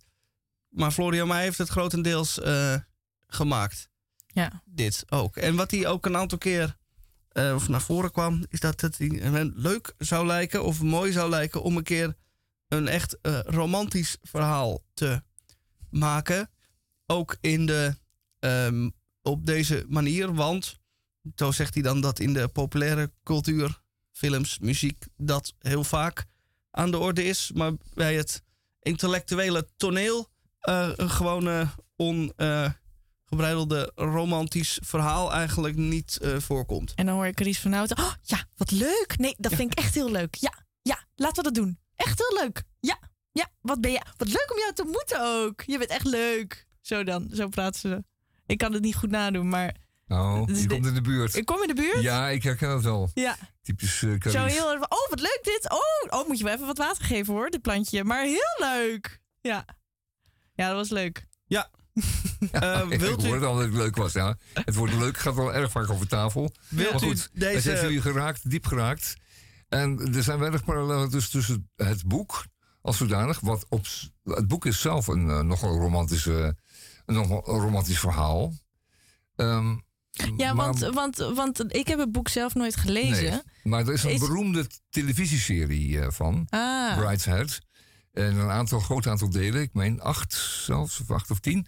ehm, waarbij het boek uitgebreid ehm, behandeld wordt. Althans, het boek het onderwerp van is. Eh, nee, laat ik het anders zeggen. De serie, het boek volkomen behandeld. Van, van de eerste tot de laatste pagina. En het is een legendarische serie. En die mogen ze misschien nog best wel eens een keertje uitzenden. Ik denk dat het nog steeds de moeite waard is. ah ja. En ehm, daarvan kent, dat heeft ook zoveel indruk gemaakt dat iedereen nog weet dat, dat vooral dat eh, die teddybeer daar een rol bij speelde. En En men heeft toen wel moeten wennen in die tijd aan, aan zoveel openheid en zoveel, laten we zeggen, eh, vooral over. eh, het ging over homoseksualiteit, maar ook weer niet echt. Het was allemaal bedekt en omvloerst en eh, nogal geheimzinnig. Ja. Liefde tussen twee mannen, maar was het dan wel een liefde? En was het niet alleen maar een soort romantische voorstelling, wat het had kunnen zijn? Het was in ieder geval een tamelijk integrerende serie. En het schijnt toch dat miljoenen mensen daar met heel veel plezier naar gekeken hebben. Het was bepaald geen, eh, geen schieten en, eh, en achtervolgen met auto's. Nee, nee, nee, nee. Het speelt allemaal in zo'n hele deftige, een beetje decadente Engelse sfeer. Groot landhuis, in een mooie zomer. En eh, heel veel tragiek, maar ook veel romantiek. En het is een beetje ongrijpbaar.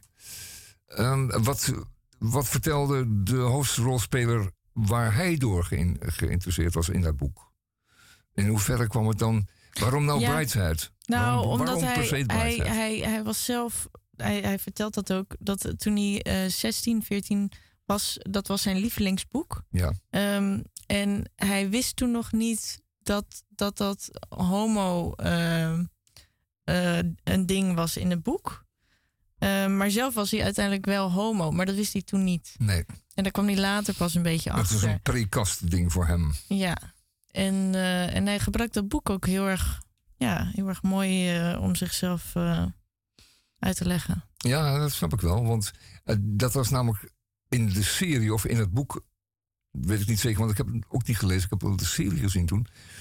Is dat ook niet, is dat ook niet duidelijk? Ja. Of het nou werkelijk een homoseksuele verhouding is... of het gaat worden.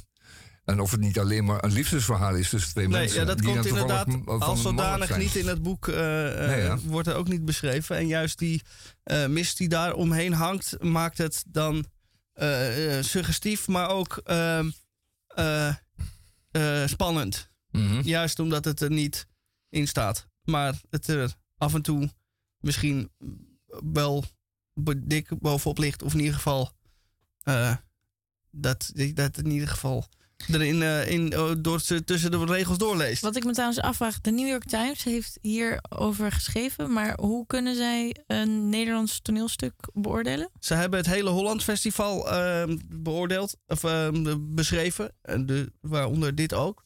En er zijn een aantal voorstellingen met Engelse boventiteling.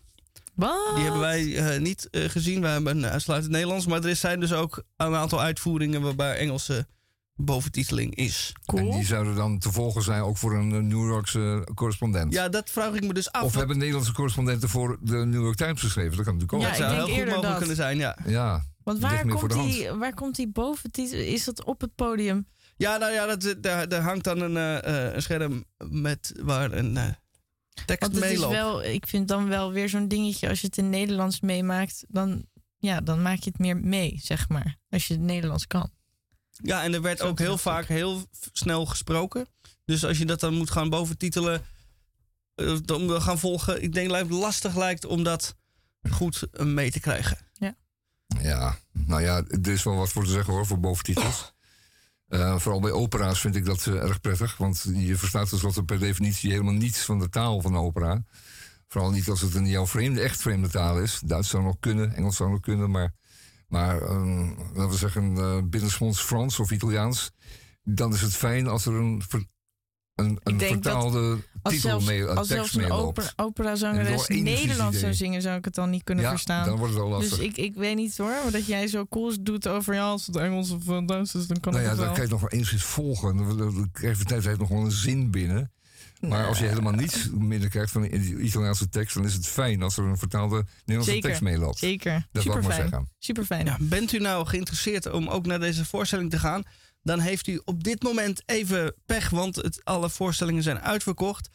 Maar de, eh, eh, het enthousiasme eh, is zo groot dat er vermoedelijk wel Een extra film gemaakt voorstellingen, wordt. extra voorstellingen bij komen. En hoeveel, Dus- hoeveel mensen konden in die zaal? Ja, veel. We zijn even proppen ook. Wij zaten helaas helemaal vooraan zonder leuning op een Hmm. bankje. Oh, dat valt niet mee. Ja, maar dat vond ik dan zo knap. Want ik zat natuurlijk, ik kreeg op een gegeven moment wel last.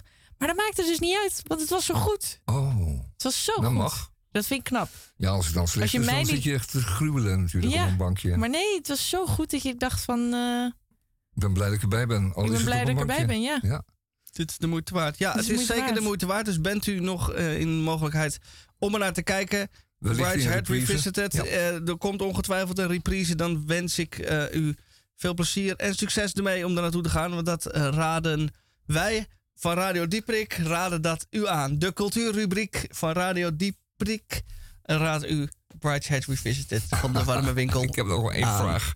Eén vraag. Omtrent de vrouwenrol. In dit geval dus de personifiëring van uh, Carice van Houten. Wat is de vrouwenrol in het boek dan?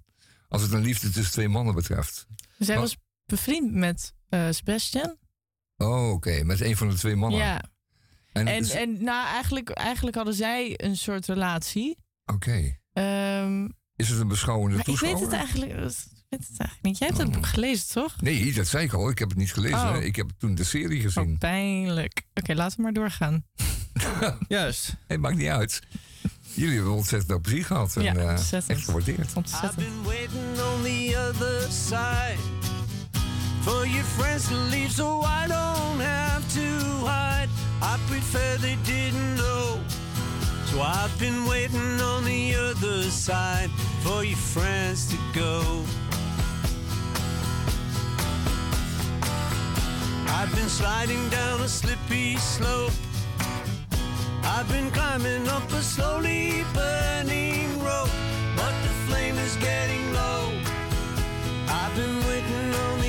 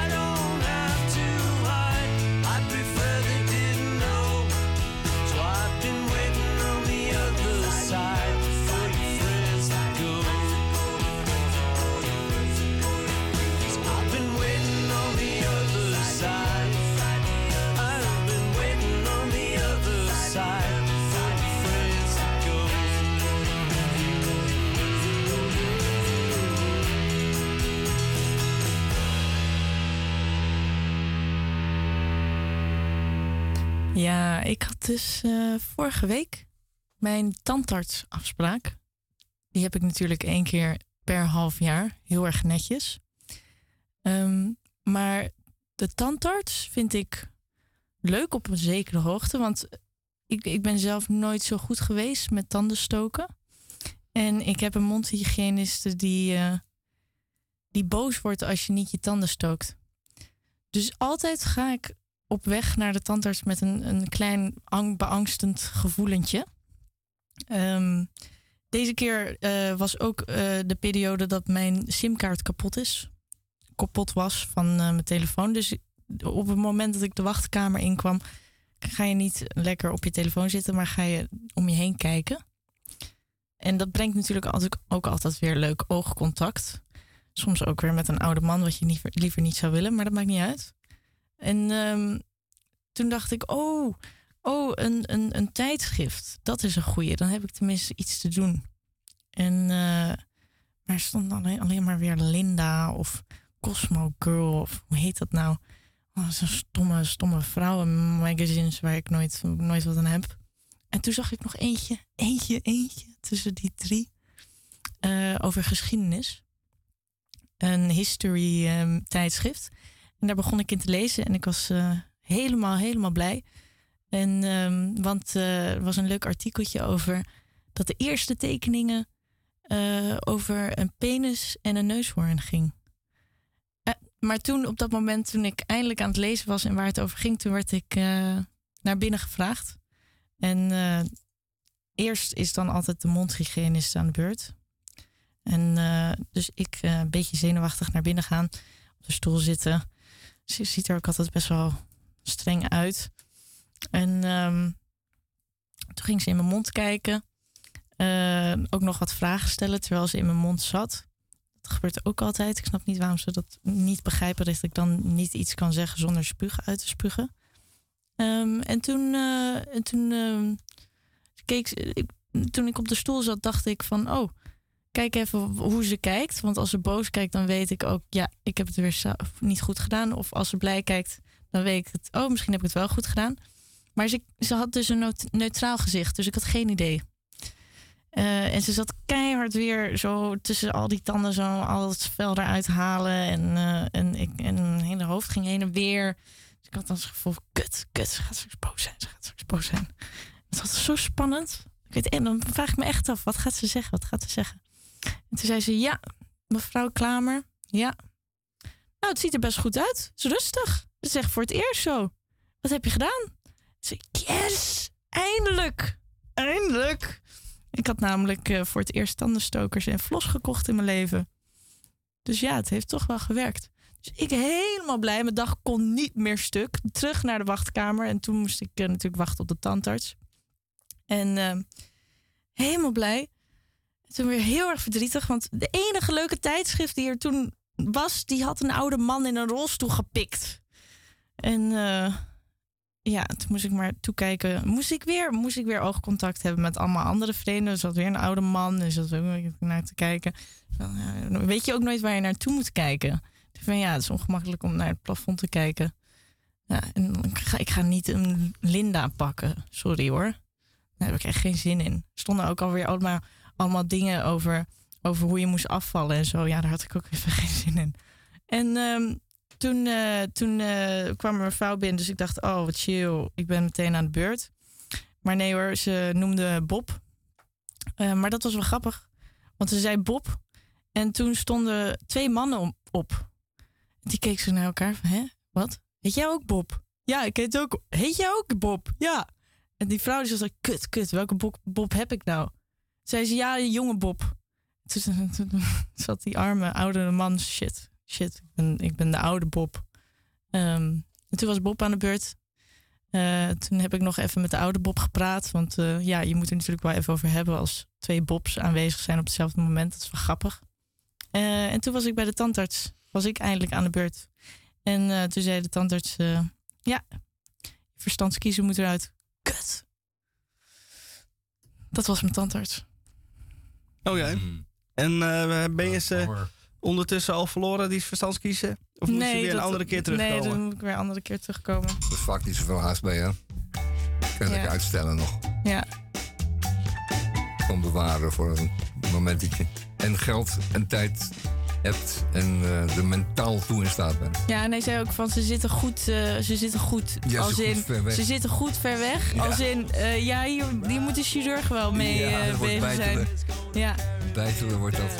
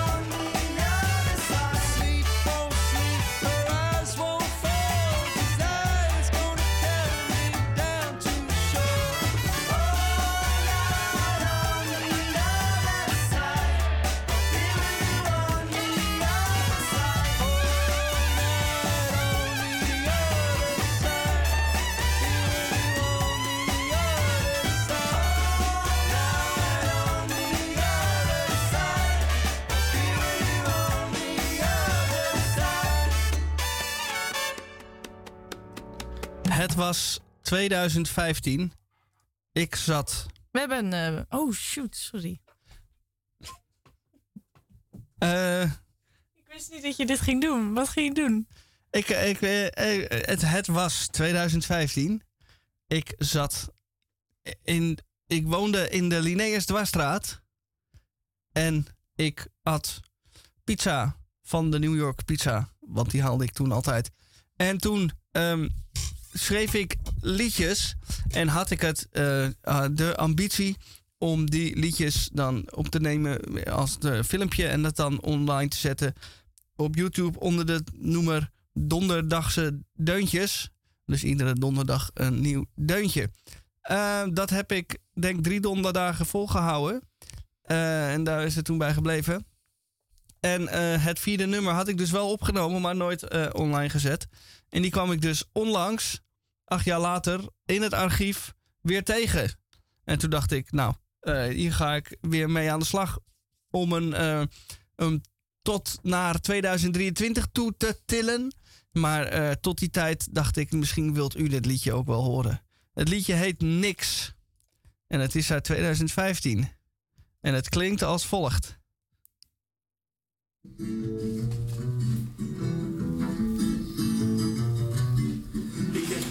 Te kampen met een enorm probleem. Ik heb niks en ik krijg niks en ik ben altijd alleen. Ik ben ontzettend zielig, ik kan het niet meer aan. Toen geluk werd uitgedeeld, stond ik mooi weer achteraan. Het is weer niks.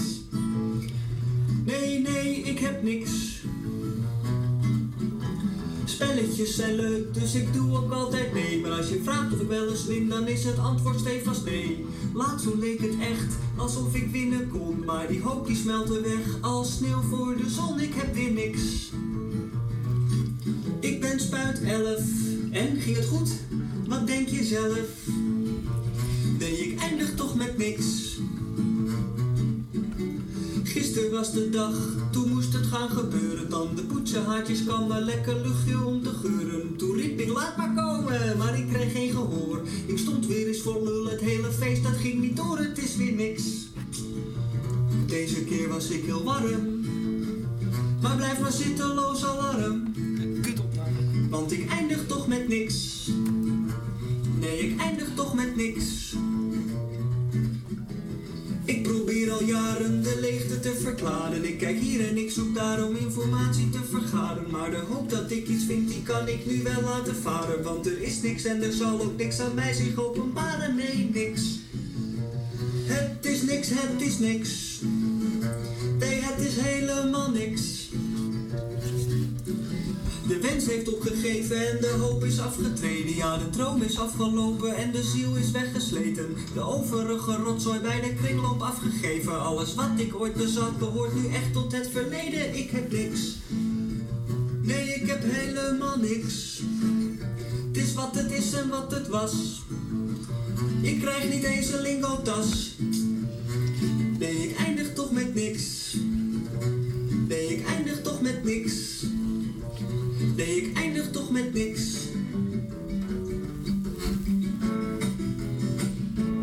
Niks. Niks. Niks. Nou, dat was dus eh, drie keer niks. Je hebt toch wel vond, je, wat. vond je het zelf niks? Uit Of- 2015. Nou, toen vond ik het blijkbaar niks, want toen heb ik er verder niks mee gedaan. Mhm. En je hebt ook gezegd van de kutopname. Ja, dat de, is. de opname is niet best, nee. Nou, het opmerkelijke is dus, het- er is dus een opname.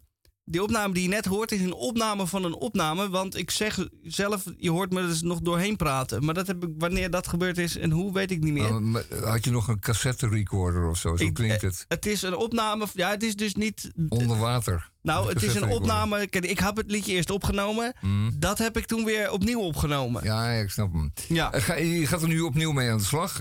Kijk je dan naar de muziek en naar de tekst opnieuw? Denk je van nou, het is wel waardevol, er zitten goede zinnen in. Ja, de- Ik maak er een nieuwe song van. het is een, een muzikaal weinig variatie erin. Ja, Dus daar kan ik dan wel je eh kunt het akkoordenschema een beetje aanpassen. De melodie inbrengen.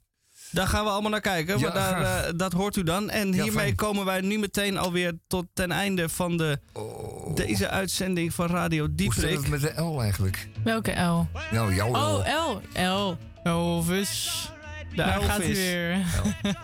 Ik wens u en alle rondom u een fijn weekend. En de uilen, ja Ja ook. zeg. Wij gaan, Radio Dieprik. wij gaan als klaplopers een broodje eten bij het pakken zwijgen. En tot volgende week. Adios. Joe.